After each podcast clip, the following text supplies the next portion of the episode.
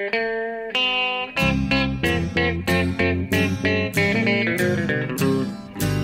out there, we're on the air. It's hockey night tonight. Tension grows, the whistle blows, and the puck goes down the ice. The goalie jumps and the players bump, and the fans all go insane. Someone roars, Bobby scores at the good old hockey game. Oh, the good old hockey game is the best game you can name. Hallå, hallå, hallå, hallå! Hallå, hallå, hallå, hallå, hallå, hallå! Yes, hallå och välkomna till NHL-podcasten avsnitt 395. Det närmar sig jubileum här. Eh, och det är som vanligt Jonathan Onskan Ekeliv som sitter utanför Stockholm i sitt älskade Örby Stämmer. i höstkvällen. Och Yes. eh, jag då Per Bjurman i New York där det vägrar bli något annat än sommar höll jag på att säga. Vi har haft några dagar här när det har varit förstummande varmt. Häromdagen var det uppemot 30 grader man gick och trodde inte att det var riktigt sant i början av november. Nu har det korrigerats lite grann, men vi har fortfarande väldigt soligt och fint. Eh, Och det, finns, det känns inte så novembrrikt. Nej, det låter ju helt osannolikt. Jag sitter ju och drömmer mig bort här nu att jag sitter mitt emot dig i korresoffan istället och, och Ja. liksom eh, eh, får utnyttja den här podden. För det är som du säger, här borta är det ju höstigt på riktigt. Det är ju novembermörker jag sitter och bevittnar just nu. Ja, eh, men här, det är väldigt skönt för jag har väldigt svårt för november till vardags. Men eh, nu är det inte så novembrigt. Eh, utan, ja, helt okej. Men, eh, men Jonathan, du har ju flytt eh, vardagen alldeles nyligen. Du var ju i Finland och tittade på NHL-hockey eh, den gångna helgen, eller hur? Ja, jag var ju en sväng eh, till Finland här och var på plats där på Global Series. Ena matchen, den första faktiskt. Det var en lång dag. Jag gick upp fem på morgonen och gick och la mig sen i Helsingfors. För det var helt fullbokat med hotellen i Tammerfors då. Eh, Fyra på natten. Så det var nästan ett helt dygn. Wow. Eh, ja, men, eh, men det var det värt. Det var Ja, hur var det då? Var, var det kul? Ja, men det... Jag håller väl med Patrik Laine då som var allmänt bitter då. För att det, trots att det var i hans hemstad så blev det ju två raka torsk. Och han sa ju liksom att eh, vad, vad, vad gör vi ens här? han, var, han var riktigt bitter precis som hela Columbus då. Men, men eh, det var ju desto gladare i Colorado förstås som inkasserade två raka segrar. De var ju klart bättre, det var inget snack om det. Även om det var en relativt jämn match den jag fick bevittna. Columbus kom ju ikapp från 0-3 till 3-3 i första matchen. Innan Colorado tryckte på gaspedalen igen och vann med 6-3. Ja, Columbus är svaga alltså. Ja, det, det, är, det är stora problem där alltså. Det, Ja, det är målvaktsspelet, det är försvarsspelet som helhet, inte minst backsidan. Eh, som vi har pratat om att den, den känns felbalanserad och inte så stark namnmässigt heller. Och sen så funkar det inte offensivt. De gjorde ju faktiskt sina två första PP-mål för säsongen. Eh, I Finland, men eh, det är inte det är mycket som otroligt. Ja, det, ja, det kyss- var det kyss- nästan 30 raka PP innan de gjorde kasse. Om jag vore lite elakare då skulle jag ringa upp Gustav Nyqvist och fråga om han har tänkt på VM. ja, jo men det, det, är ju, det är ju nästan så, eh, så det känns nu i Columbus att eh, säsongen är körd i november. Ja. Det- Men du, det var ju ändå succé på så vis att Mikko Rantanen då gjorde hattrick. Och det är ju sånt... Mikko Rantanen, Mikko Rantanen, Mikko Rantanen. Det fick man ju stämma in i vet du. Ja, ja, men det, det är ju för att sånt ska ske som de gör det här. Ja. Eh, att, det är ju en dröm för Bettman och ligan att, att en local hero kommer hem och gör hattrick i en sån här match. Det Ja. är så man säger i NHL. ja, precis. Så det var ju verkligen feststämning på det viset. Det, det, det, Hur det var gick inget... ramsan? Mikko Rantanen, Mikko Rantanen, Mikko Rantanen. Du vet, man fick ju resa sig och applådera och hålla på själv för, för att smälta in där liksom. Annars tog man ju bort sig. Ja. Var Jarkko med? Jarkko? Nej, men det, det, Jarkko var inte med, men jag kan säga att han hade väl ungefär 15 000 själsfränder i alla fall i, i publiken. Så att, Hur hade det låtit om Jarkko hade stått och sjungit den där? då hade det varit ännu mer liksom Mikko Rantanen, Mikko Rantanen, Mikko... Ja, jag kan nästan inte imitera hur det decibelnivån i så fall. Ja. Otroligt roligt. Otroligt kul. Men du, i, i hela det här eh, virvelvinden till dygn som du var ute på där, Ja. från Stockholm till Tammerfors till Helsingfors, Ja. så lyckades du plötsligt posera i en Avalanche-tröja. Det Ja, det där ett behöver vi inte ta upp. Det där är... otroligt etikettsbrott av en Tampa-fan. Ja. fan? Det var de som slog ut sl- krossade er dröm om trippel och där står du i en Avalanche-tröja. How come? Nej, det här kan jag inte. Det här är oförsvarligt och något jag tar, tar avstånd från och ber om ursäkt för. Eh, främst till mig själv då, att jag, att jag underlät mig någon, något eh, vad eller någonting och ta på mig det där. Jag går inte med, inga mer detaljer än så. Nej. Jag har ju bild och eh, ja. jag kan visa den för Viktor Hedman vid tillfället. Nej, om du inte är snäll. Det, då, då, ja, det får jag nästan, jag vet inte vad jag ska komma på för att du ska eh, undvika det. Alltså. Det, det, det där skulle, det skulle jag vilja ha ogjort. Ja, ja mm, jag förstår det. Men eh, man får, som man bäddar får man ligga. Ja, det är väl så. Tyvärr. Ja. Ja, ja, jag ska själv ut på, eh, på tur här i helgen som kommer. Eh, ja. Och det är väl ingenting att vara hemlig om. Jag ska till Toronto då. Det är ju Hall of Fame-weekend där. Två Just matcher i, mm. i Scotiabank Arena och så allt kring själva Hall of Fame med tvillingarna och Alfie. Mm. Och så då eventuellt Börje Salming där också. Eh, och det är, kan ju bli helt Eh, otroligt eh, emotionellt om det blir så. Ja, om Börje dyker upp där så eh, liksom i det här, i det här läget så är det ju, ja det blir ju enormt emotionellt så fall. Enorm grej. Ja. ja, det får vi prata om nästa vecka för då vet vi om det blev så eller inte. Mm. Men det har även för mig varit väldigt mycket hockey nu.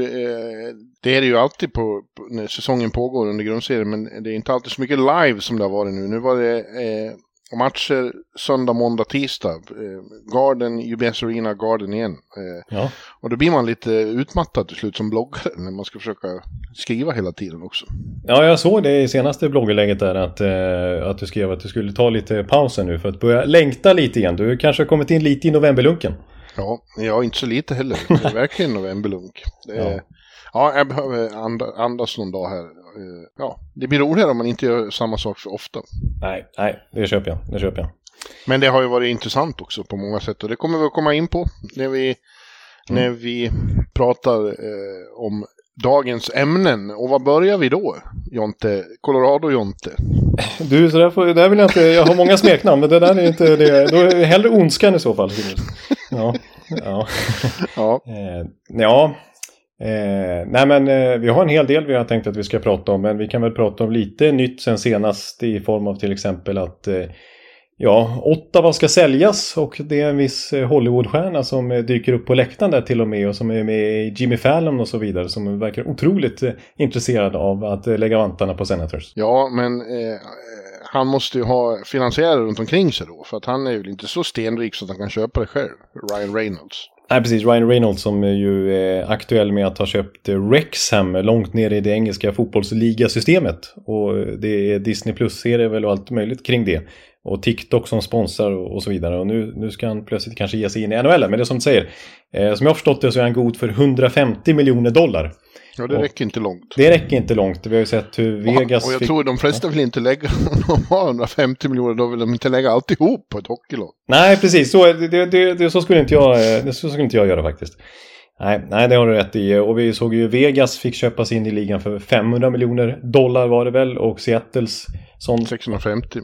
Ja, 650 ja, precis. Och jag har sett att senaste Forbes-listan då när de värderar lagen så låg ju Ottawa på drygt 500 miljoner dollar. Sportico, en annan sån sajt som eh, värderar klubbarna, hade de på över 600 miljoner dollar nu. Eh, medan de själva, vad jag förstår, Melnick-döttrarna där som har bestämt sig för att sälja klubben, hoppas på kanske uppemot en miljard eller åtminstone 900 miljoner dollar. Mm. Så att det, det, är klart, det sa han ju också hos Jimmy Fallon då, Ryan Reynolds, att han behöver ju ett konsortium, att han är en delägare, att han behöver investerare runt omkring sig för att det här ska vara möjligt. Men du, jag, jag, har inte, jag är inte helt påläst om det här med Ryan Reynolds, men det var någon som på, han har gjort någon film nyligen om, om sånt här och äga idrottslag också, har jag för mig. Att det här kan vara liksom en del av en gimmick och en eh, marknadsföringsploj. Ja, alltså bara den här Rexham-grejen är väl lite plojgrej. Eh, ja. säga. Men ja, man märker ju att Ottawa i alla fall som klubb och hela NHL som organisation här tycker det är väldigt roligt att Reynolds har involverat sig i det här och att det liksom hypar upp hela den här processen kring Ottawas köp. Bara det gör väl att de kanske hoppas på att få ut mer pengar av det. Även om det, vad jag förstår, verkar som att Reynolds har seriöst intresse. Han har ju delvis växt upp i Ottawa själv och är ju kanadensare han, i sina uttalanden så låter det ändå som att han är hockeyintresserad och vill och liksom har ju den här grejen om att han ska äga klubbar nu då. Ja. Ja. Men det viktigaste är väl som jag har förstått att eh, det finns ingen risk för att Senators ska eh, bli flyttas och bli relocated. Utan eh, alla är inställda på att de ska vara kvar i, i kanadensiska huvudstaden. Precis, det verkar vara eh, något slags inskrivet, eh, villkorat eh, från Melnick-döttrarna att ett, ett, villkor för att köpa klubben är att den stannar i stan. Ja. Eh, det, det, som är kanske lite mer attraktivt och som har varit en grej som Eugene Melnick himself eh, liksom försökte strida för under många år var ju en ny arena. Du har ju själv vittnat om flera gånger att den ligger alldeles för off. Ja. Ute i skogen i princip är det väl? Ja, ja det, är för, det är 40 minuter utanför centrala Ottawa. Ja, men nu sen i somras så, som jag förstår det så så har de, liksom deras City Council, själva, själva Ottawa stad, har liksom godkänt ett markområde väldigt centralt tillägnat för en ny arena för Ottawa. Så det är ju positivt. Det har ju varit eh, stora liksom, tvister kring det. Men nu, nu är det öppet för att åtminstone bygga en arena där så länge man har finansiella musklerna till det. Mm. Eh, och det skulle naturligtvis lyfta hela Ottawa som klubb om de kan spela centralt. Verkligen, och öka värdet för systrarna Melnick där då. Det skulle också vara bättre för dem om, om Senators spelade lite bättre än de gör just nu. Ja, de kommer vi komma in på lite senare, men de har ju varit en, en grav besvikelse här i början. Det skulle ju bli ett lyft i år. Ja, precis. Exakt. Det är ju ett av de lagen som vi hypade inför säsongen och kanske det laget vi ihop med... Ja, det var ju liksom tre lag där utanför slutspel i Atlantic som vi har trott mycket på i Detroit, Ottawa och Buffalo. Och i, i allra högsta grad Ottawa mer än kanske Detroit och Buffalo. Men det är de som har... Det har, det har blivit precis tvärtom. det har blivit precis tvärtom ja. ja. Detroit är i mitten där men det är Buffalo som är ett och Ottawa trea. Ja men nu har faktiskt Detroit klivit om här sista veckan bara. Eh, där ja, men om man ser till... Ja förväntningar. För, absolut, ja. det håller jag med om. Alltså, vi, vi, trodde inte som, vi trodde inte att Buffalo eh, sett till att de knappt värvar någonting inför säsongen. Nej. Nej, precis. Medan Ottawa, det är ju The Brinket och det är Eh, Giroud förstås. Ja, men vi återkommer om detta ju. Ja, ja, ja, precis. Ja. Vi ska prata lite lag som hit och dit. Mm. Ja. Men ja, vi får se hur det där går. Det är alltid, ja vi vet ju, det är en drama, en drama queen till liga. Det, det händer alltid något med, och även på ägarfronten och så. Det, man vet aldrig. Eh, det, det är ju ett small market-lag ändå, även om Kanada är ju tokigt i hockey så är Ottawa inte en jättestor stad. Inte i jämförelse med Toronto och Montreal. Nej, alltså jämför till exempel med Toronto då, som är värderat ihop med Rangers då, enda två lagen som är värderade över 2 miljarder dollar. Ja. Medan alltså Ottawa ligger då kring 600 miljoner dollar. Så det är jätteskillnad. Ja, och de är ju alltid, det finns alltid ett litet hot om att de, om de, om de inte liksom presterar ja, både sportsligt och ekonomiskt så finns det där hotet i bakgrunden om relocation till någon stor marknad. Det finns ju några som NHL drömmer om att få komma till. Till exempel Houston. Ja, de har ju blivit av med sitt NHL-lag en gång. För länge sedan. Ja, ja. att, ja de har ju det. Och Quebec vet precis hur det känns att bli av med lag. Ja. Och Winnipeg. Så att det, ja. Och det vill jag betona, det har vi pratat om många gånger, men det är ju otroligt avgörande att man har en stark ägare. Ja. Alltså jag som Tampa-fan vet ju mycket väl om det. Det var ju total kris och fiasko monumentala ett tag där med Ja, jag vill nästan inte ens komma in på Tampas ägare. Innan Jeff Winnick tog över där runt 2010. Det var ju anledningen till att de fick Stamkos och Hedman. Var ju för att de hade, var så långt ner i tabellen att de kunde drafta högt. Men sen kom Winnick in, plockade in Iceman och så inleddes hela den här Tampa-eran som jag har fått åtnjuta senaste decenniet. Ja. Allt nästan skulle jag säga absolut viktigaste orsaken, äga. Ja, visst är det så. Eh, och det, var ju, det, det, det är alltid det det hänger på. Det var ju lika i Atlanta. Plötsligt hade de ju liksom ingen, ingen riktig ägare. Nej. Och, och inga, inga alternativ heller som var aptitliga för ligan. Och, och då var det bara, gick det ju fort. Ja. Pang så var de i Winnipeg. Precis, det gick på några månader liksom. Det var inte någon utdragen process utan det var bara smack så var det Winnipeg nästa säsong. Liksom. Ja. ja. Ja. ja. Vad har hänt mer då? Jo, det har ju varit väldigt kaos apropå eh, Drama Queen-faktorn. Eh, ja. Så var det allmän förvåning så tog Boston Bruins ett, ett väldigt eh, felskär. Ja. Och inte Boston Bruins-laget utan dess ledning. Presidenten Cam Neely och general manager Don Sweeney. Ja. Out of the blue meddelade president att man hade signat Mitchell Miller. Ja.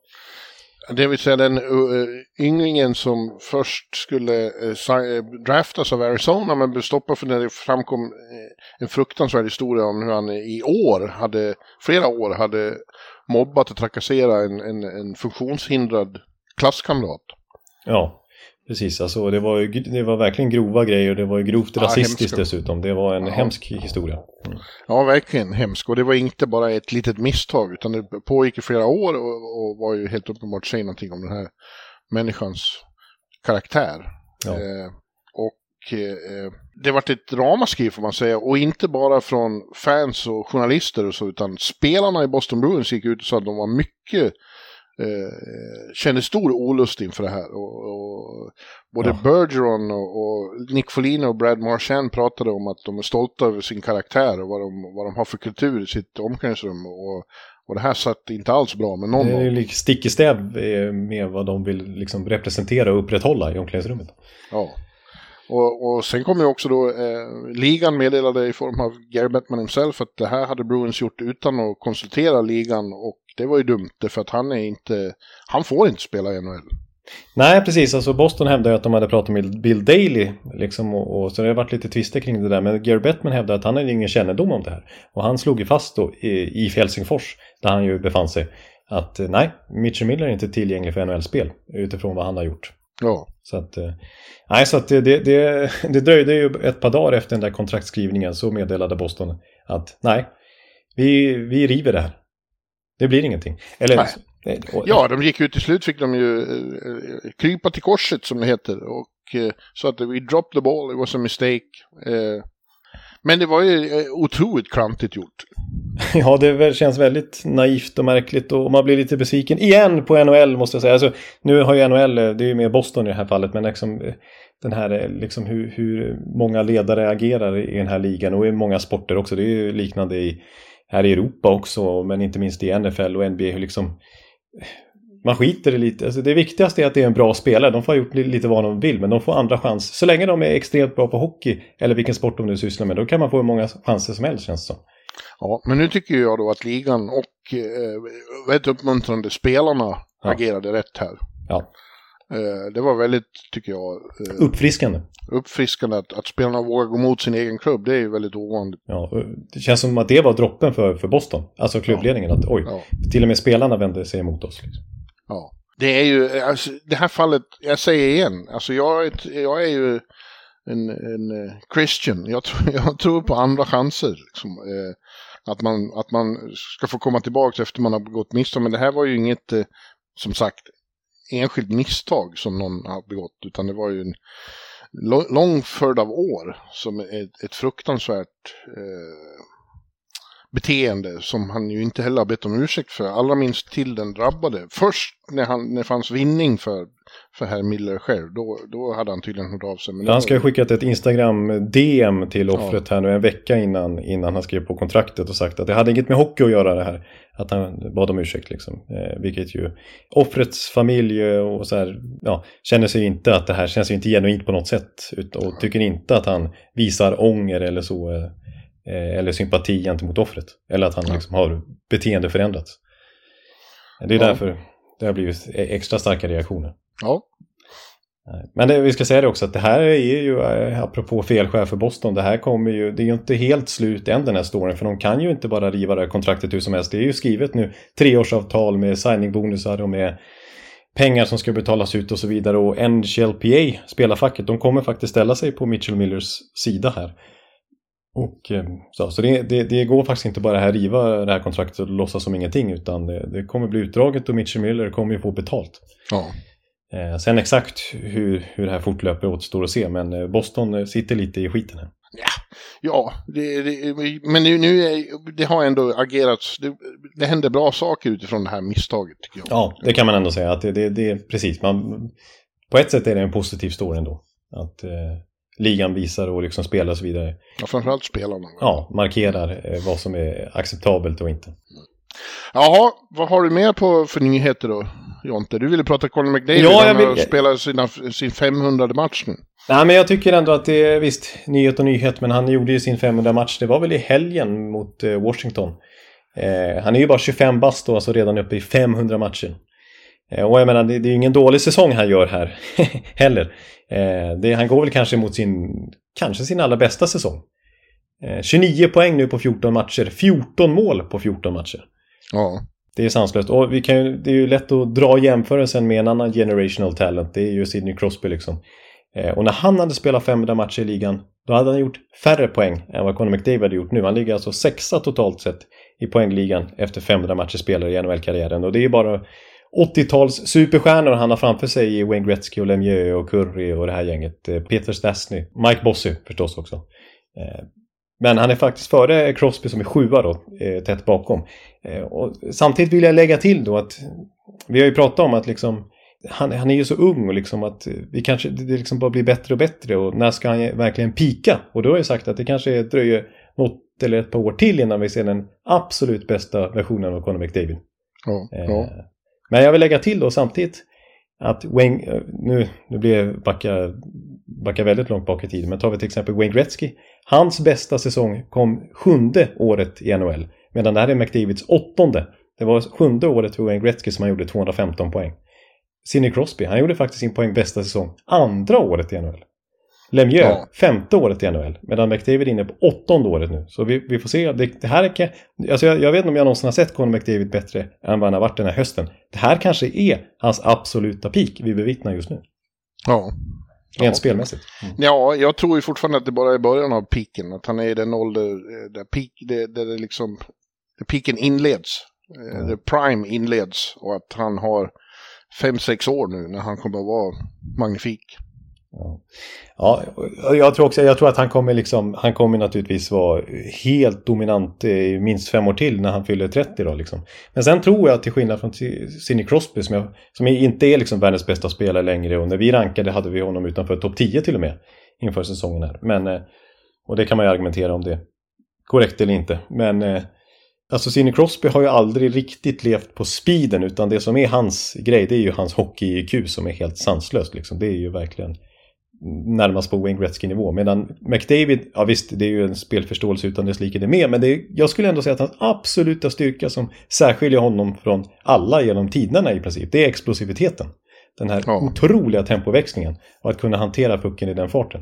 Och frågan är om en sån ändå färdighet som inte sitter uppe i skallen utan som är en fysisk grej, liksom, om, det, om det kommer ändå, om man kommer tappa lite av det eh, efter 30 år och att han kanske inte åldras lika bra som Sidney Crosby har gjort.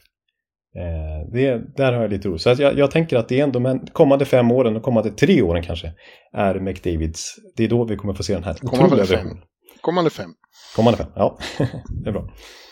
Ja, ja eh, och apropå Edmonton, jag såg igår kväll när jag kom tillbaka från Garden, då var det ju, eh, de spelade ju mot Tampa ja, och vann. Usch, ja. Eh, men det var otäcka scener där på isen då. För att, eh, det var ju en olycka där. Eh, Evander Kane fick en handled uppskuren av Pat Maroons skridskor. Det var ett misstag. Mm. Och det var väldigt otäckt med blod som sprutade och så. Och det är ju ett, ett känsligt ställe och liksom, det är farligt att få pulsådern avskuren. Ja, där, där blir man, ju, man blir ju påmind då och då om hur vassa skenor det är de åker runt med där och att det ja. naturligtvis är en skaderisk. Och det såg riktigt otäckt ut. Han försvann ju direkt in i båset och man hann ju se hur, hur, hur blodet pulserade ut. Ja, men även Maroon vart ju, man såg ju han började ropa på hjälp. Ja, instinktivt bara liksom, ja. oj. Förstod direkt. Ja. Men det gick ju dessbättre bra. Han, han var på sjukhus i i Tampa och blivit opererad och han fick ett djupt sår då. Men då betyder det att han blir borta ett tag med all säkerhet. Ja, ja men det låter ju som att han kommer... Ken Holland, general manager där i Edmonton har ju slagit fast. Hans uppfattning är att han kommer bli helt återställd från det här. Ja, men det kan dröja ett tag. Jag kommer ja. ihåg när Patrik Nemeth skar sig en hand. Han var borta längre. Om senor och sånt där gav, då, blir det, då kan det ta lång tid eh, ja. att få bli återställd. Ja, precis. Ja, det var olyckligt. Riktigt otäckt, inte minst. Mm. Ja, du, eh, men vi ska ta och titta lite på själva det som har hänt hockeymässigt på isen också. Och eh, vi, vi eh, har några lag som vi, ja, vi fortsätter med det här med att det, är somliga som överraskar väldigt positivt och andra negativt. Och lika på spelarfronten individuellt. Ja, vi ska väl i slutet av det här avsnittet, vi har ju mycket pratat om liksom positiva överraskningar, inte minst svenskar har vi varit inne på väldigt mycket under säsongen. Men, men i slutet av det här eh, avsnittet så blir det kanske lite mer negativt. Besvikelse har vi kanske inte pratat lika mycket om när det kommer till spelare. Men vi, vi börjar att prata lite lag. Mm. Ja, eh, och ja, inte vet jag om du vill börja.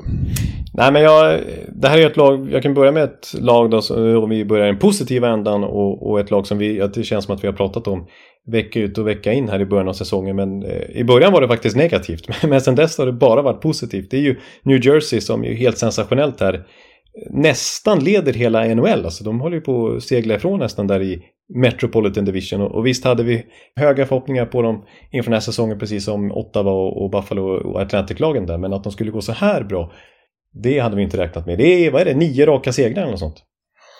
Nej, är det Nej. så mycket? Nej, det kanske inte är. Det, det är någon torsk däremellan, men det är ju... De börjar ju med två raka förluster och sen dess så är de 9-1 tror jag. Ja, de har sju raka nu. Sju raka. Mm. Ja.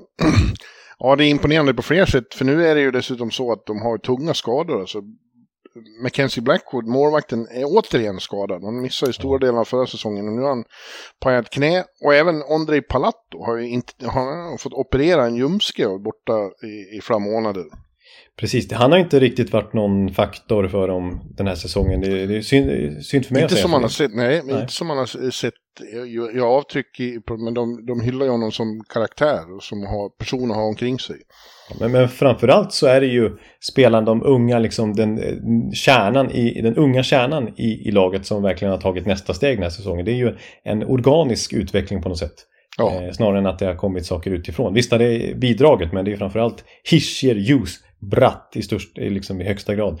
Eh, och några till där som, som eh, evolverat sitt spel. Lyft det till en ny nivå. Ja, verkligen. Eh, och jag, jag, jag, kommer nog tillbaka till det som Jesper sa när jag intervjuade honom förra säsongen. Att de är ju visserligen unga men har varit med länge ändå. Mm. Han och Hughes och Hischier ja. framförallt då. Eh, och är liksom erfarna. Mm. Mm. Och det som verkar verkligen ha, ha slagit rot i dem och som de verkligen har kommit till insikt om är hur hårt de måste jobba 60 minuter varje kväll. Eh, för, det, för det är ju framförallt det de gör. De, de, även om de har första perioden när det går dåligt så är det som att de ständigt snackar ihop sig i omklädningsrummet och pushar varandra och jobbar stenhårt och så kommer de tillbaks, börjar använda sin speed och sin liksom energi. Eh, och, och eh, tvinga sig in i matcherna igen. Det är väldigt imponerande, med, ja. i synnerhet med tanke på de här skadorna. Ja, ja precis. Men de har, det är ju lite andra killar som har kommit upp där och verkligen levererat. Fabian Zetterlund är ju ett stort utropstecken till exempel. Verkligen. Eh, det är ju kul att se. Men de spelar ju med en otrolig fart. Och det, det som, men det som jag förvånas över är, för kollar man på underliggande statistik då så är de ju typ bäst i NHL. Det är de och Carolina som verkligen sticker ut.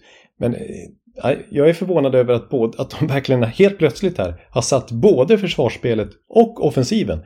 För tar vi, om vi, jag skiter i kursen nu och bara tänker på skott på mål helt enkelt, en klassiker, eh, framåt och bakåt.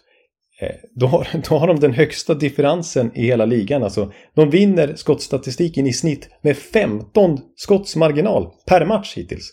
Mm. Det, de, de är det lag som har skjutit näst flest skott och de är det lag som har släppt till minst antal skott. De har fakt faktum är så här.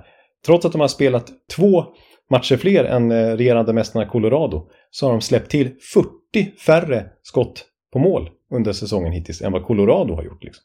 Det är den stora skillnaden mot, mot de senaste åren för då har de inte fått ihop försvarsspelet alls. Eh, och det är helt annorlunda nu. De är svåra att spela mot. Exakt, det är, det, är det, är det svåraste laget att komma in i, i offensiv zon med mot eh, med kontro liksom kontrollerat, en kontrollerad ingång. I den statistiken så, så ligger New Jersey bäst till att förhindra det så att säga. Mm. Eh, de är också de är ett av de lagen som släpper till minst antal kontringssvanser så de är väldigt stabila bakåt. Över hela banan så att säga. Redan när de tappar pucken i offensiv zon och hela vägen hem. Eh, medan det är tvärtom då, de är det lag som har skapat flest chanser på kontringar framåt. Så de är livsfarliga omställningar när de sticker iväg med sina snabba ja, forwards. men då är de ju så fruktansvärt snabba också. Ja, jag har sett otaliga liksom tre mot ett, två mot ett. Mm. Eh, tre mot noll-lägen i princip när, när New Jersey bara sticker iväg som inget annat lag hittills den här säsongen. Ja. ja, roligt för dem, för de har ju haft det tungt i många år och eh, nu är det bra, bra stämning i The Rock. The Rock. The Rock. Oh, nu, nu blir det inte Kill Me Now-läge där längre, utan nu, nu vill man väl åka dit. Jag, jag, jag säger det, det är lite paradoxalt på något sätt med tanke på all kritik mot Lindy Ruff. Men det kanske är den nya staben bakom honom som har mycket med det här att göra. Den nya associate coach ja, Andrew eller också är han bättre än vad vi tror. Ja, kanske precis. inte vet allt heller. Nej, precis. Men det, det känns ju som att Andrew Brunette som kommer från den här otroliga grundserien med Florida i alla fall har lyckats införliva någonting i, i New Jersey också. Mm. Ja, även, även eh, grannarna här, jag skrev just en krönika om det till eh, Print här då. Eh, mm. Om att eh, eh, det här är första gången som, sen jag kom hit för snart 18 år sedan, som alla tre lagen här är bra samtidigt. New Jersey, Islanders och Rangers. Ja, ja. Eh, och är slutspelskandidater allihop. Eh, det, det märkliga i det här är väl att det är Rangers som, som är bäst på pappret och ska vara i fasen när de är en contender. Ja. Just nu skulle jag vilja säga att de är sämst av de här tre lagen, eller i alla fall i sämst form. Ja, det hade vi ju, det var inte så tongångarna lät när vi hade våra previews. Nej, Islanders är ju också, de, de började ju knackigt och det ser ut som att eh, Lambert är bara en ny, eh, vad heter han? Todd Reardon. Todd Reardon, ja, som jag höll på att tjata om. Ja. Eh, men två saker har hänt. De, de tycker jag då framförallt. Mm. Dels är de, äh, fler och fler av de här unga spelarna börjar blomma ut nu och njuter av att de inte spelar under Barry Trotz längre. Eh, det, det, är inte lika strama tyglar. Jag, jag, jag, jag pratade med Sebastian Aho, den svenske Sebastian ja, Aho, ja. Här, häromdagen i, i, på Long Island. Och han pratade om det. Vi, ja, de, de vill ju spela mer. Eh, mm. Och de eh, inte bara dumpa in, utan, utan de spelar och de tycker det är väldigt roligt. Då. Mm. Eh, men de har också visat en fantastisk karaktär och det har jag sett då typexempel på här när jag såg dem både måndag och tisdag. Och ja. båda matcherna låg de under med 3-1 när, när tredje perioden började och så vände de och vann. Och som jag förstår så har de bäst statistik i tredje perioden av alla. De ja, är det... de bästa tredje perioderna i, i ligan. Ja, precis. Ja, det, det är ju väldigt upplyftande för, för Islanders. För min känsla lite grann under Barry Trotz och när de var som mest framgångsrika där var att de var ju ett lag som gärna ville spela på ledning för då blev deras spelsystem som effektivast när de kunde stänga ner och kväva matcherna och vinna liksom. Eh, men de hade lite mer problem när de hamnade på efterkälken. Ja. Sådär. Och, och, det blev ju otroligt tydligt förra säsongen när de fick inleda med 13 raka bortamatcher och, och sen eh, åkte på alla covid-problem och halkade efter i tabellen. Och då hade de liksom inte den här pushen i sig att, att kravla sig tillbaks. Men det är ju precis det de visar den här hösten istället, att de, de, de kommer tillbaks hela tiden. Men 25 år och är plus 14 i tredje perioderna. Ja, det... eh, jämförelsevis har Rangers gjort 13 mål, är minus 6 i tredje perioden. Ja. Allra värst är ju Vancouver som liksom tappar ja. ledning på ledning på ledning i, i tredje perioden. Så att då vill man betydligt hellre ha moralen som Islanders visar upp.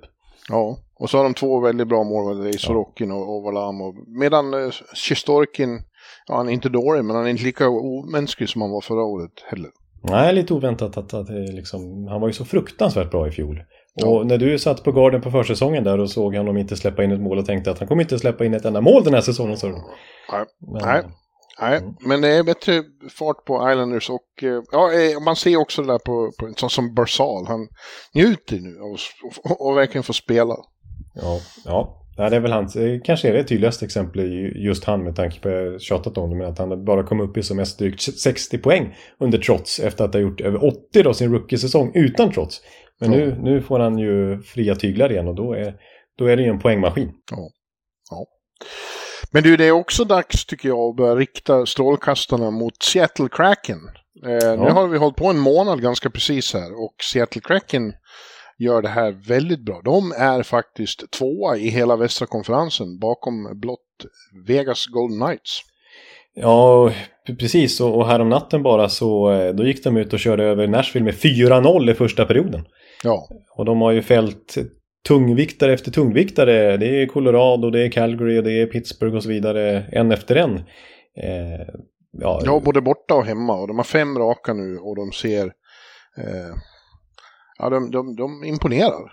Precis, jag tror att, de, att de, den här Nashville-matchen var starten på en sex matcher lång hemmasvit dessutom. Så det kan vara liksom rena drömmen här nu för Seattle-fansen som fick lida. Stackars krakarna i fjol vet du. Och nu får de se ett, ett helt annat lag faktiskt. Ja. Och André Burakovsky var grym då igår. Han stod för två assist och ett mål där under den där första perioden när de bara körde över Nashville. Eh, och det var lite, lite av eh, Burras coming out party inför hemmapubliken där i Climate Pledge Arena. Eh, och jag pratade med honom efteråt och han var ju såklart nöjd. framförallt med laget då. Han sa att vi, I början av säsongen skulle jag säga att vi var rent ut sagt dåliga, sa han. Eh, Men nu har vi börjat spela som ett lag och kämpa som ett lag. Och eh, ja, han, han var my- mycket positiv till hur, hur de liksom har kommit ihop som, som kollektiv. Mm. Och det var ju ett problem förra året. De var ju så här typiskt eh, expansionslag. Eh, Vegas var ju anomalin när de kom in. De, var, de verkligen kom ihop med den här misfits-känslan medan Ja, Seattle hade väl förväntningar på sig då och liksom det blev spretigt istället. ja. Och det har ju Alex Wennberg också sagt att det är en enorm skillnad mot i fjol. Då kände de sig verkligen... Eh, lite, alla var lite vilsna och de hade liksom inget... Man hade inte byggt något lag. Men Nej. nu, nu har de liksom en identitet och en hierarki i omklädningsrummet och, och allt som ska vara liksom i ett riktigt lag. Ja. Och just är ju, och Burakovsky för den delen, det är en häftig svensk-dansk första kedja är det ju. Ja, De har ju hittat väldigt bra kemi där, eh, Wennberg, Burakovsky och så är det Oliver Björk, Björkstrand, Björkstrand som, eh, Ja. som gör det bra ihop med dem också. Ett fint mål där eh, tyckte jag när Wennberg var kylig och, och drog den till Burakovsky som i sin tur var ännu mer kylig och, och vek runt Saros och gjorde ett av kassarna i den där 4-0-perioden. ja. Ja, men det, det är ju det är kul att det händer något sånt. Jag, jag trodde inte alls på dem i år heller. Jag trodde att de skulle vara bottenlag några år till, men, men eh, Mm. eh, det har studsat till där. Sjungit till. Ja, precis, exakt. Nej, men det Jag trodde ju på dem i fjol ju, kommer du ihåg. Ja. Och jag, jag tyckte de var ett häftigt experiment på ett sätt på det viset att det var sån enorm bredd. De hade kanske ett av de, kanske det bredaste, i alla fall ett av de bredaste lagen. Det var ju väldigt, jag skulle säga att de hade typ två andra kedjor och två tredje kedjor. Och sen eh, sex eh, backar för ett andra par. Eller, Ja, ja, absolut. Så var det. men, men, men spetsen var ju, de hade ju ingen som var riktig första kedjespelare sådär. Eh, Och det, effekten blev ju att när man tittade på underliggande siffror såg det ganska bra ut. De var ett liksom, middle of the pack-lag som, och framförallt defensivt så, så släppte de till väldigt få chanser. Det var bara fem lag som släppte till färre skott från slottet förra säsongen än vad Seattle gjorde. Och ändå så släppte de in otroligt mycket mål och framförallt gjorde de ju jättelite mål också. De hade ju extremt låg skotteffektivitet och de hade jättedåligt PP. Och det beror ju på att där blir ju liksom spetsen avgörande. För att liksom verkligen göra mål i den här ligan och för att ha ett bra PP så behövs det ju spets. Ja, Och, och det hade de inte, men de hade bredd så att liksom, de var alltid med, eller liksom, de var svåra att spela ut så att säga, men, men eh, de gjorde inga mål. Och, och, sen var ju Grobauer en, en enorm besvikelse i kassen. Nu är han skadad. Martin Jones känns ju inte som någon betryggande ersättare, men han har varit okej i alla fall. Och med ett okej målvaktsspel och lite mer spets som de har tagit in till den här säsongen. Burakovsky som kliver in direkt och leder interna poängligan. Med Matty Benier som är med från start, deras supertalang som redan eh, gör avtryck verkligen. Eh, Björkstrand som vi nämnde där också. Eh, så, så, så har det blivit en skillnad och som du säger också om de även har kommit ihop som grupp och, och det har bildats en hierarki där och det har blivit ett riktigt hockeylag av dem. Så, eh, så ja, och de har ju fortfarande bredden liksom så att eh, då är det ett ganska svårspelat lag skulle jag vilja påstå. ja det blir spännande att se om, om, om det här, alla de här har nämnt nu, blir spännande att se om de, om de bara är så här tomteblås i början av säsongen. Vi är fortfarande i början av säsongen, ska vi komma ihåg. Ja, ja, Eh, eh, så att, eh, ja. Men väldigt positiva signaler från de här hållen. Ja, jag vill säga, en så här sjuk statistik från i fjol med, med, med Seattle. Det var så 12 gånger som de släppte in första skottet i hela matchen. Ja, det, det är ju helt sjukt alltså, Grobar säger en del om Och de inledde den här, deras hemmapremiär i år. Det tog några sekunder, första skottet, Vegas. Så man tänkte, here we go again med Seattle. Men de har rest sig och nu är det något helt annat. ja. Finns något, ja vi kan väl nämna Winnipeg, vi hör väl också till de här som nu framstår som eh, väldigt eh, positiva överraskningar. De är trea då i Western. Eh, har vunnit nu tre raka, slog till exempel Dallas igår med 5-1. Det är ju en, eh, vad ska man säga, det är en tjong i medaljongen höll jag på att säga. Det, det, var, det var oväntat med tanke på att Dallas är ju också en väldigt positiv överraskning. Ja, men du, vi var inne på det här redan förra veckan. En faktor är att Connor Helleback, som vi nästan har glömt lite, att han ju faktiskt har varit på nästan, ja, precis på nivån under de allra bästa, under Vasilevski och så. Men eh, han är ju en, en, eh, en klassmålvakt. Ja, var- varit Vesina-nominerad ett antal gånger i, i karriären och, och egentligen varit ganska bra senaste åren också.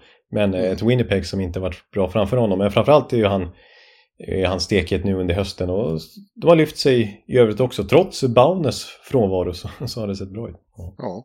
Ja, och, och de här, de, de spelar till sin fulla potential nu med Kyle Connor och, och eh, Shifley. Och Ehlers är ju inte med än. Han Nej. kommer snart tillbaks, hoppas de. Mm. Ja, men precis. Trots att han är borta då så. Ja. ja, det kanske inte den stora, en annan stor, eller den stora, men en stor förändring inför säsongen var att de tog bort eh, Blake Wheeler från kaptensrollen. Jag vet inte hur, om det har betytt någonting, eh, för att de var ju, det var ju så disharmoniskt i, ja. i Winnipeg liksom, och det var ju det Bowness framförallt ville rätta till. Eh, att det skulle bli harmon, mer harmonisk stämning och fler skulle våga liksom, det blev för mycket Wheeler och hans pack, eller vad man ska säga. Det var lite hårt uttryck. Ja, nu. det var hårt uttryck, men liksom att fler inte vågade liksom höja rösten och ta tag i saker i det omklädningsrummet. Och en del i att ta bort Wheeler från, från, från ta bort hans seder var att liksom fler ska våga verkligen ta för sig. Att det ska bli andra ledare, inte bara Wheeler. Mm. Ja, jag får erkänna att jag ser Winnipeg ganska lite. För ja, nu har de ju äh, Axel Fjällby då, äh, Jonsson. Ja. Mm. Äh, men det har ju varit väldigt lite svenska profiler där. Så att de, de hamnar lite i radioskugga för mig. Just, just, Kevin Stenlund har väl inte fått chansen än heller ordentligt. Nej. Mm. Ja, men du, vi har lag som eh, vi måste titta närmare på som inte går alls bra. Och det är några då som eh, skulle vara bra, men som... Och det, fram, det handlar, just nu handlar det framförallt om tre stycken som är, är, är förbryllande för alla att de går så dåligt. Och det är Pittsburgh, och det är St. Louis och det är Calgary. Ja. Det är ju potentiella eh, contenders nästan allihop av dem. Eh, ja, det är nog deras egen självbild i alla fall. Ja. Mm. Men vi har Pittsburgh som har förlorat, vad? Sju raka? Sju raka torsk. Det har faktiskt inte hänt eh, sen Crosbys debutsäsong senast de missade slutspel. 2005-2006. Att de har gått eh, segerlösa i sju raka matcher. Calgary har sex tror jag. Ja, sex raka. Sjätte i New Jersey igår. Och St. Louis åtta raka. Ja, vad hände? Vad har hänt med St. Louis? Vi pratade mycket St. Louis förra veckan, men alltså börja med tre raka segrar. Och det ser kanon ut igen. Eh, här. Men sen åtta raka förluster och total kollaps. Och det är ju stor förlust på stor förlust dessutom. Det är inte, de är inte ens nära. Nej, Nej det, är helt otroligt. det är faktiskt helt otroligt. Eh, de har redan, ja det är ju så, de ligger i, i botten av, av, av eh, Western Conference ja, nu. Ja. Och det hjälpte alltså inte. Du, du berättade ju det förra veckan om att Doug Armstrong, eh, general manager, hade haft liksom räfst och rättarting med laget, skällt ut dem Mm. Eh, och ingenting har blivit bättre sedan dess. Nej, precis. Och han slog fast att eh, coachen där sitter säkert. Ja, det, får, det tänkte jag börja tänka på igår, att han kanske får revidera sin, sin uttalade lojalitet för Berube. Så här kan det inte bara fortsätta. Nej, för nu, nu är ju spiralen pekar ju rätt neråt. Det blir, det blir nästan värre och värre för match, var match som går. Ja, de är ju slagna på förhand liksom, för att de har så dåligt självförtroende. Ryan O'Reilly gick ut igår efter ännu en bedrövlig förlust borta mot Philadelphia. Ja.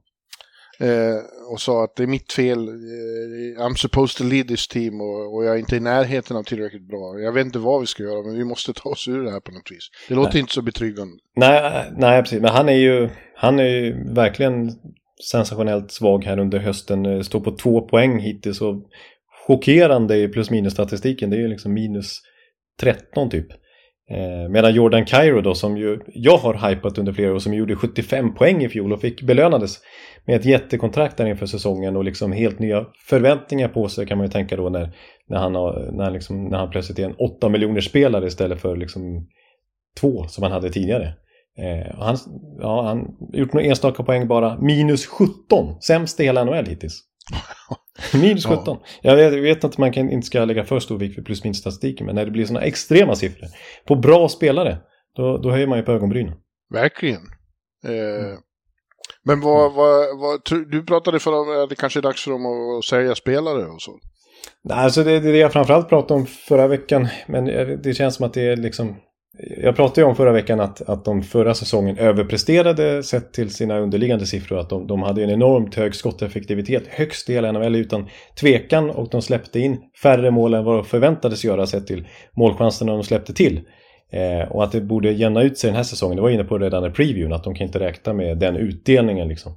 Men eh, man är ändå förvånad liksom, sett, jämfört med förra säsongen. Det är, det är inte så stor skillnad i truppen. Visst, Ville Husso inte med där och bilda målvaktspar med Jordan Binnington längre så det är en trygghet som har försvunnit och, och David Perron som var viktig för PP inte minst en av alla deras 20-målsskyttar har försvunnit men att de två, de kan inte vara skillnaden på liksom topplag och kollaps på det här viset Nej, det är mycket eh, konstigt. Och inte Men, de där siffrorna jag drar upp heller. Så stor skillnad ska det inte vara att de ska vara sist nästan i NHL bara för det. Den här underlige Bennington har ju inte varit, Binnington har ju inte varit bra heller. Han. En säregen person. Som, han, nu har han börjat med så här, det var någon match där, ja det var väl mot eh, Tampa, var det inte? Han åkte nej, in i... nej var, det mot, var det mot Sorokin eller vem var det mot nu igen? Ja, det var nog Islanders, ja. ja. ja han gjorde en sån här tack, axeltackling igen. Helt Tönt. meningslöst, liksom. Bara, bara dumt. Ja, ja. töntigt. Ja. Men, eh, eh, ja, Calgary då? De har ju ändå så pass mycket med sig från början av säsongen att de är på slutspelsplats. Men de här eh, sex raka nu, det ser inget bra ut. De tappar ledningar och de har eh, flera spelare som inte alls kommer upp i, i samma standard som senast. Och de begår misstag som kostar dem väldigt mycket hela tiden. Ja, det, det, det är oväntat ändå. Eh, det känns som att det är många som är formsvaga i det där laget helt plötsligt. Ja. Eh, vi har, alltså, en som inte varit formstark på hela säsongen det är ju Johnny Johnny höll jag på att säga, Jonathan Huberdo. Ja. Eh, han kommer vi prata om mer sen när vi ska prata om spelarbesvikelse. Men det är ju en, en nyckel är ju verkligen att, eh, jag menar förra året hade de ligans, i alla fall grundserien då, grundseriens bästa kedja. Den var ju helt otrolig vad den levererade konsekvent match efter match efter match. Gaudreau, Lindholm och Kitchak. Det var ju 200 poängspelare där och så hade vi Lindholm som gjorde över 40 mål. Ja. Och apropå plus minus statistik, Lindholm hade alltså plus 61 förra säsongen. De har ju helt sanslösa siffror i 5 mot 5 hur de kontrollerade spelet och knappt släppte till en målchans och, och bara bombarderade motståndarmålvakterna med skott. Men de har inte, verkligen inte den första kedjan att luta sig mot. Till exempel Huber han har gjort noll mål 5 mot 5. Ja. De har ju splittrats redan och... Tack han... jag vet. ja, ja, det var ju han i fantasy. Ja. Nej, det var ju en missräkning verkligen för Calgary. Och lite oroväckande då att, eh, att eh, nu tror jag Huber kommer, han kan inte ha tappat, ja det är ju en fantastisk hockeyspelare egentligen. Men eh, hans, när han fyller 30 nästa sommar då börjar ju hans nya kontrakt som redan är påskrivet gälla då. När han går från att tjäna 5,9 miljoner dollar den här säsongen till 10,5 miljoner dollar i åtta år till som 30-åring. Jesus, ja. Jesus.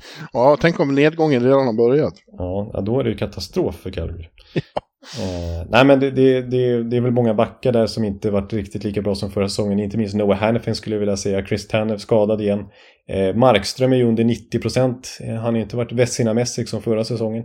Nej. Eh, nej svårt att göra mål framåt. Ja. Ja. Pittsburgh då, vad ska man säga om dem? Det är ju också mycket märkligt. De började extremt starkt och vi satt och pratade om att Crosby ser tio år yngre ut igen. Men nu, nu fungerar det inte alls. Nej, precis. Men ja, det, och det, det är lätt att... Varje gång vi går dåligt för Pittsburgh så brukar vi säga, är de slut nu? Liksom, är de för gamla nu? Och de är ju gamla. Liksom.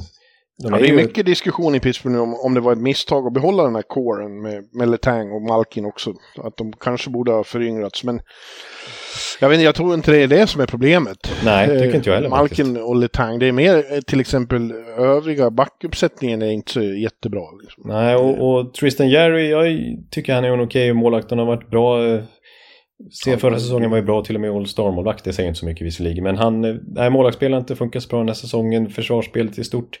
Och men framförallt är det ju liksom bredden, det är ju inte ju liksom Crosby är fortfarande extremt bra, har gjort en jättebra höst. Malkin är över point per game. Eh, Letang gör det väl okej okay, liksom så här, men det är ju bredden som, som inte har levererat. Nej, och det är några som känns som de, inte i kåren, men en sån som, som eh, Zucker känns som att han börjar tappa lite, Jeff Carter börjar tappa. Ja, det är ju ett gammalt lag. Alltså jag undrar, undrar ju över den här Jeff Petrie-traden. Det var ju liksom, det blev ännu äldre liksom. De offrade en sån som John Marino som var bra i Pittsburgh. Och som ja. kändes som ett av få liksom, unga namn på uppgång verkligen. Även om han inte gjorde någon kanonsäsong i fjol. Men han har ju fått ett jättelyft i New Jersey och är ju verkligen bidragande till deras starka verkligen. höst. Ja, de älskar Marino. Ja, ja. Så att det, det kändes så lite onödigt liksom. Att, eh, det, och en sån som Kalen Addison, ett gammalt Pittsburgh prospect. Som de, just för Zucker, det var väl han de tradeade bort för att få Zucker från Minnesota. Kalen Addison rattar ju Minnesotas första PP nu, som back där på point. Så att eh, de har ju liksom offrat mycket ungdom för att vinna nu. Och ändå har de inte, har de inte vunnit en slutspelsrunda sedan 2018. Eh, så jag, jag tycker liksom en vi, alltså vi, vi hyllade ju Pittsburgh inför säsongen. Vi tyckte att de gjorde en jättefin slutspelserie mot, mot New Jersey, eller mot, mot New York Rangers. Även om de blev utslagna så såg det väldigt bra ut då innan Crosby gick sönder. Mm. Eh, och, och, vi trodde lite på de här inför den här säsongen ändå att, att eh, kanske finns en, en, en, en till push i dem. Men eh, generellt sett de senaste fyra fem åren så, så har de inte li lyckats lika bra med sin omgivning runt deras Hall of Fame core. Eh, för liksom, det var det som var nyckeln till att de vann där både 16 och 17. Att naturligtvis var deras eh, superstjärnor hur bra som helst. Men runt om dem så hade de ju Phil Kessel, Bonino och Hagelin-kedjan som var succé. Det var liksom, de fyllde på från AHL med att en sån som Jake Gensel slog igenom, Brian Rust, det var Connor Sherry på den tiden som var jättebra. Eh, men nu, alltså de, de som ska liksom vara secondary scoring nu som de har offrat en del för, de, de bidrar inte riktigt till den utsträckningen som krävs. En sån som Zucker som du nämner. Kasperi Kapanen har ju verkligen inte varit någon succé sen han kom. Eh, Rickard Rakell har gjort ett gäng mål men inte riktigt den succén som de hoppas på tror jag heller. Eh, Jeff Petrie-traden, några andra trades sen tidigare, Jeff Carter som börjar bli gammal. Eh, det är just där problemet ligger skulle jag säga. Omgivningen runt superstjärnorna som inte är lika bra som det var tidigare. Men nu tror jag då, mitt i allt det här negativa, att just Pittsburgh och Calgary, de tror jag kan turn this around. Det, det känner jag ganska starkt. De har bra coacher, mm. de har ändå grundkvalitet. Jag är mer orolig för St. Louis. Ja, det är också där, där kan det nog ryka Berube, alltså även om han har stort förtroende från Armstrong och vunnit Stanley Cup och så vidare så känns det som att han har tappat omklädningsrummet nästan nu med tanke på hur, där ser det verkligen bedrövligt ut just nu ja, i St. Ja. Louis. Men jag, håller, jag vill säga, nämna det med Calgary också, deras underliggande siffror är ganska bra, de har ett fantastiskt ramstarkt spelsystem att förhålla sig till så att jag tycker ändå att deras lägsta nivå är, de, det är liksom inte, de blir inte totalt utskåpade i matcherna utan de är ju med eh, ja. ändå och de klagar ju nu på spelarna att på något sätt rann energin ut här i november. Eh, och liksom får de bara upp energin igen och lite positivitet så, så har de liksom ett, ett tryggt grundspel och, och, de är egentligen ett bra lag. Så jag är inte så orolig för Calgary heller. Men eh, nej, så jag håller med dig om att St. Louis är det stora krislaget. Ja, ja det är de. Mm. Men nu om vi tittar på enskilda spelare då som vi också är lite besvikna. Det blir väldigt negativt det här. Men, ja, eh, det blir. Vi får vara mer positiva nästa vecka. Ja, eh, Jublo nämner du där och det är ju ett, eh, det är ju ett av Calgarys stora problem att eh, han har inte blivit, eh, än så länge, eh, vad de förlor, han har inte täckt upp för vad de förlorade i, i i Johnny Gaudreau. Och han och Elias har inte riktigt, i början såg det ut som att oj, här har de, nu har man hittat det direkt. Men de har inte hittat samma kemi och Elias har inte gjort lika mycket poäng heller. Inte lika mycket mål. Eh, och eh, ja, med allt du just nämnde med kontrakt och så, han, han måste ju bli bättre. Ja, det är Men ju det är... avgörande för hela deras framtid. Mm. Men han spelade ju med Barkov i Florida och än så länge så ser det ut som att han saknar honom enormt. Att han var otroligt viktig för Jubdos. Ja, men jag håller inte riktigt med om det för han, visst, när han liksom, nej för att, ja i powerplay sådär, men i 5 mot 5 så fick han ofta leda en egen kedja och spelade ofta mest med Bennett förra säsongen och ändå slutade han tvåa i hela NHLs poängliga med 115 poäng. Så min känsla förra säsongen var att, att Juberdo inte var beroende av sin omgivning utan det var han som lyfte den kedjan han klev in i. Han, han, passade så otroligt bra i deras eh, liksom, fria brunett-spelsystem där han fick lösa tyglar. Men det, jag tror mer det handlar om att, att, att han inte riktigt eh, han har inte riktigt hittat rätt här under Daryl Sutters mer strukturerade spel. Visst, ja. Johnny Gaudreau och, och så här eh, som är väl också lite liknande, lite humörspelare sådär. Eh, funkade ju under Sutter men, men eh, hade jättesvårt i början ska vi säga. Det var ju det var ingen bra start när Sutter kom in. Den, den eh, rumphuggna 2021 vårsäsongen där, då var, ju, då var det, blev ju, de var ju till och med sämre den halvan av säsongen när Sutter tog över än vad de var eh, innan. Då var det väl Joff Ward som var tränare. Eh, sen är plötsligt så hittar de rätt och då blir ju Gaudreau hur bra som helst och spelar sitt livs hockey. Så det är väl förhoppningen då kanske att, att, att det handlar om det, att Huber liksom inte kommit in i det än. Men eh, får han en sån här Johnny Gaudreau liksom uppvaknande och helt plötsligt förstår hur han ska agera i det här spelsystemet, då, då kanske han kan utnyttja sina skills igen. Ja, en grav besvikelse så fall. Det får man onekligen säga. Mm. Ja. Eh, Nassim Kadri har varit bättre. Han har inte gjort supersuccé, men han är klart, eh, klart bättre. Han har varit bästa, åtminstone bästa forward i laget hittills. Ja. Mm. En annan stor besvikelse tycker jag, och jag har naturligtvis honom i, i fantasyn också, jag har haft en otrolig förmåga att pricka in eh, formsvaga målskyttar och eh, stjärnor i mitt lag. Ja. Eh, och det är Alex DeBrinket i Ottawa som ju vi, vi var, åh vad vi höll på och, och 41 målskyttar, dubbla 40 målskyttar kan man inte hitta på marknaden. Nej, och Ottawa hade ju tagit sig en jackpot och bla bla bla bla bla. Och han har inte varit alls något bra i Ottawa. Två mål. Ja, han har inte hittat alls liksom in i, i och det verkar vara ett tema på sina håll här, att man har svårt att, att finna sig till rätta på sin nya hemadress. Ja, och i hans fall kanske det kan handla lite grann om omgivningen då. Det är ju inga dåliga spelare han får spela med i Ottawa, så på ett sätt så, så kan han ju inte skylla på dem på, alls. Men han hade ju en fantastisk kemi med Patrick Kane som verkligen hittade hans klubba gång efter gång efter gång. Eh, det kanske ligger någonting i det, jag vet inte. Men eh, visst är det konstigt. Ottawa som vi börjar med i podden här, eh, som inte går bra, ligger sist i Atlantic Division och, och börjar halka efter. Och också ett gäng, var det fem, sex raka förluster på dem också. Ja. Det, det, som är pikant med deras förlust, förluster egentligen ja, hela säsongen faktiskt. Varenda förlust, om vi bortser från mål i tom kasse, har varit med uddamålet. Ja. När de inte har förlorat med uddamålet så har det varit tom kasse som, som har eh, utökat den marginalen. Så att eh, de har verkligen varit nära men de har hittat märkliga sätt att, att förlora ändå. Eh, mot Tampa här förra veckan kan jag inte förstå att de förlorade. När liksom de borde ha sänkt Tampas moral totalt när Tampa jagar kvittering. Och så gör Matthew Joseph, den gamla Tampa-spelaren, mål i tre mot fem. Just det. Och man tänkte, äh, det här är ju en sån typisk förlustmatch. Hur ska man kunna resa sig efter det? Och ändå vinner Tampa den matchen på något sätt. Ja, då är det ju, då är det något man inte, då är det ju liksom något som brister i, i, ja, i karaktär. Ja, ja, precis. Det, det... Att man inte kan knyta ihop matcherna. Nej, precis. Och även där är ju nu DJ Smith ifrågasatt. Ja, det, han tror jag kan vara en av dem som ryker först, ja. ja även om Pierre Dorian då, likt eh, eh, Doug Armstrong i St. Louis, då, har varit ute och försvarat sin coach och sagt att he's our coach and he will be our coach. Ja, men, riktigt samma stöd har inte Bruce Boudreau fått i, i, i Vancouver. Det var Jim Rutherford ute och gjorde intervju med lokal radiostation och, och var riktigt brutal mot Boudreau. Ja, han kastade om honom under bussen. Han eh, ja. sa väl kanske inte just Boudreaus namn rakt ut men han, det var ju bara, allt han kritiserade handlade om bristen på struktur och, och att spelsystemet inte var tillräckligt bra. Och, och ja. Mm. ja, men det, det, det, det förstärker ju det här intrycket att det var liksom in, lite motvilligt de förlängde med Boudreau eh, ja. i Vancouver. Det var inte riktigt deras kille. Eh, och jag tror att det, det, den, hans saga där kommer inte bli så lång. Nej, jag, jag, tror att Rutherford, det är en, en kampanj här, eh, att han är så verbal i media nu flera gånger om och kritiserar Boudreau. Eh, för att liksom, ja, ja, det här är min egna tolkning. Det var ju som sagt ägaren som varit inne på som anställde Boudreau innan Rutherford klev in. Och mm. att det är lite prestigefråga också från ägaren, för ägaren liksom trodde ju mycket på Boudreau uppenbarligen när det var han som skötte den förhandlingen och anställde honom. Eh, och redan, de betalar ju dessutom Travis Green 3 miljoner dollar den här säsongen för att inte coacha laget. Eh, ska de då också betala rätt mycket pengar till Boudreau för att inte coacha laget? Eh, ja, jag, jag, tror att det är lite prestigefråga från ägarens håll också att sparka ja. liksom ytterligare en coach ska behöva försvinna när det var han själv som dessutom tog dit honom.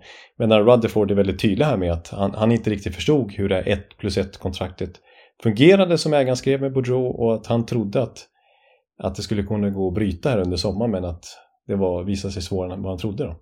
Så att, eh, nej, det är verkligen det är tydligt att det inte är Rutherford och Alvins kille. Och han, det, det, har han ju varit ute med nu också, Rutherford, men det var han faktiskt redan efter förra säsongen och sa att när han fick frågor om, om det fantastiska, eller fantastiska, men lyftet som ändå kom med Boudreau. Eh, att eh, liksom, han är väl givet att ni ska förlänga med honom och då sa ju Rutherford att nej, system, det handlar mer om att visst, offensiven blev förlöst och, och eh, Thatcher Demko var otrolig i kassen. Men vi hade fortfarande ett ganska dålig struktur i försvarsspelet och det kommer inte räcka. Det måste vi jobba på. Mm. Och det är det han klagar på nu igen. Ja, men nu kommer vi ifrån temat. Ja, nu, kom, nu blev det Vancouver igen. har du några fler spelare du tycker eh, som du är besviken på? Ja, vi har ju nämnt, så det behöver jag inte nämna igen, lite St. Louis-spelare där, men eh, eh, vi kan väl ta Chris Kreider. Ja, verkligen. Eh, ja, 52 eh, mål i fjol. Mm. har, har inte alls spelar lika bra i år. Först så kändes det som att han var snakebitten bara. De mål som gick in i fjol gick in, går inte in nu liksom. Eh, mm. han, har inget, han har inte någon tur, men han har verkligen inte spelat bra heller. Här, häromsistens vart han ner, plötsligt nedflyttad i, i, mot Detroit var det ja. De förlorade också Rangers. Eh, då vart han nedflyttad i fjärde kedjan till slut. Och eh, igår då mot Islanders i derbyt så hade de komponerat om, då var han i tredje kedjan med, med eh, Kravtsov och, och Hytil. Eh, och de såg i och för sig bra, då såg det ut som att han hade reagerat på rätt sätt. Han var besviken själv på sin insats, men han och Mika har ju suttit ihop som ett radarpar, så det var en markering, en riktigt ordentlig markering. De är ju bästa kompisar liksom. Ja, men eh, ja, nej, eh, där, där funkar det inte. Det är, han, är, han är ett av många symptom på att något inte riktigt stämmer hos Rangers just nu. Nej, precis. Det är ju märkligt många förluster och konstiga sätt de lyckas förlora på. Ja, inte... ja de är, de är, jag får en känsla av att de blir lite arroganta ibland. När det går bra så, så, så, så håller de inte i utan de slutar spela. Det är ja. inte bra. Och så har de varit lite för beroende av powerplay. Ja. Ja, precis. Jag vill ju lägga till då, och även om du slog ner det här senast vi pratade Chris Kreider för kanske två veckor sedan. Att, och det här håller i sig även, även nu faktiskt. att han, har, han är den spelare som har flest skott från, från eh, slottet i hela NHL hittills den här säsongen. Men har ju bara gjort mål på, på, på fem skott helt enkelt. Ja, slog jag ner på det? För? Nej, men du, du, du menar väl att, eh, ja, du tyckte att det, det nej, du tyckte att eh, det, han och då, jag? Jag, jag, jag, sa så här att det, då kommer det lösa sig. Det räcker med något mål eller två så kommer, kommer det lossna för honom. Då kommer han hitta självförtroendet igen. Men nu har det gått två veckor och det är fortfarande liknande statistik. Men det har fortfarande inte lossnat heller i målvakt. Utan tvärtom har han blivit petad ner i tredje och fjärde ja, igår gjorde han mål. Ja, han gjorde faktiskt mål på en Panarin-passning där. Men, ja. men, Panarin äh, var så glad så han hoppade upp i famnen på Ja, ja precis. Så jag, tror på, jag hoppas det. För jag har ju i sin tur honom i mitt fantasylag. Så att jag, ja, ja. jag behöver ju att han ska komma igång. Så jag är lite team Crider. Vet. Ja. ja, vi får se. Det finns ju, ja, eh, det finns ju många man kan peka på. Jag tycker Ryan McDonough har väl inte varit någon succé i Nashville som fortsätter halta sig igenom säsongen.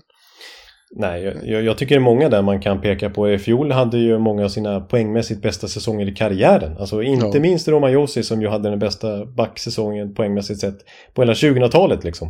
Eh, och det var, var alla, allihopa där egentligen. Men, men, och inte minst en som jag skulle vilja peka ut lite också, det är ju Jussi Saros.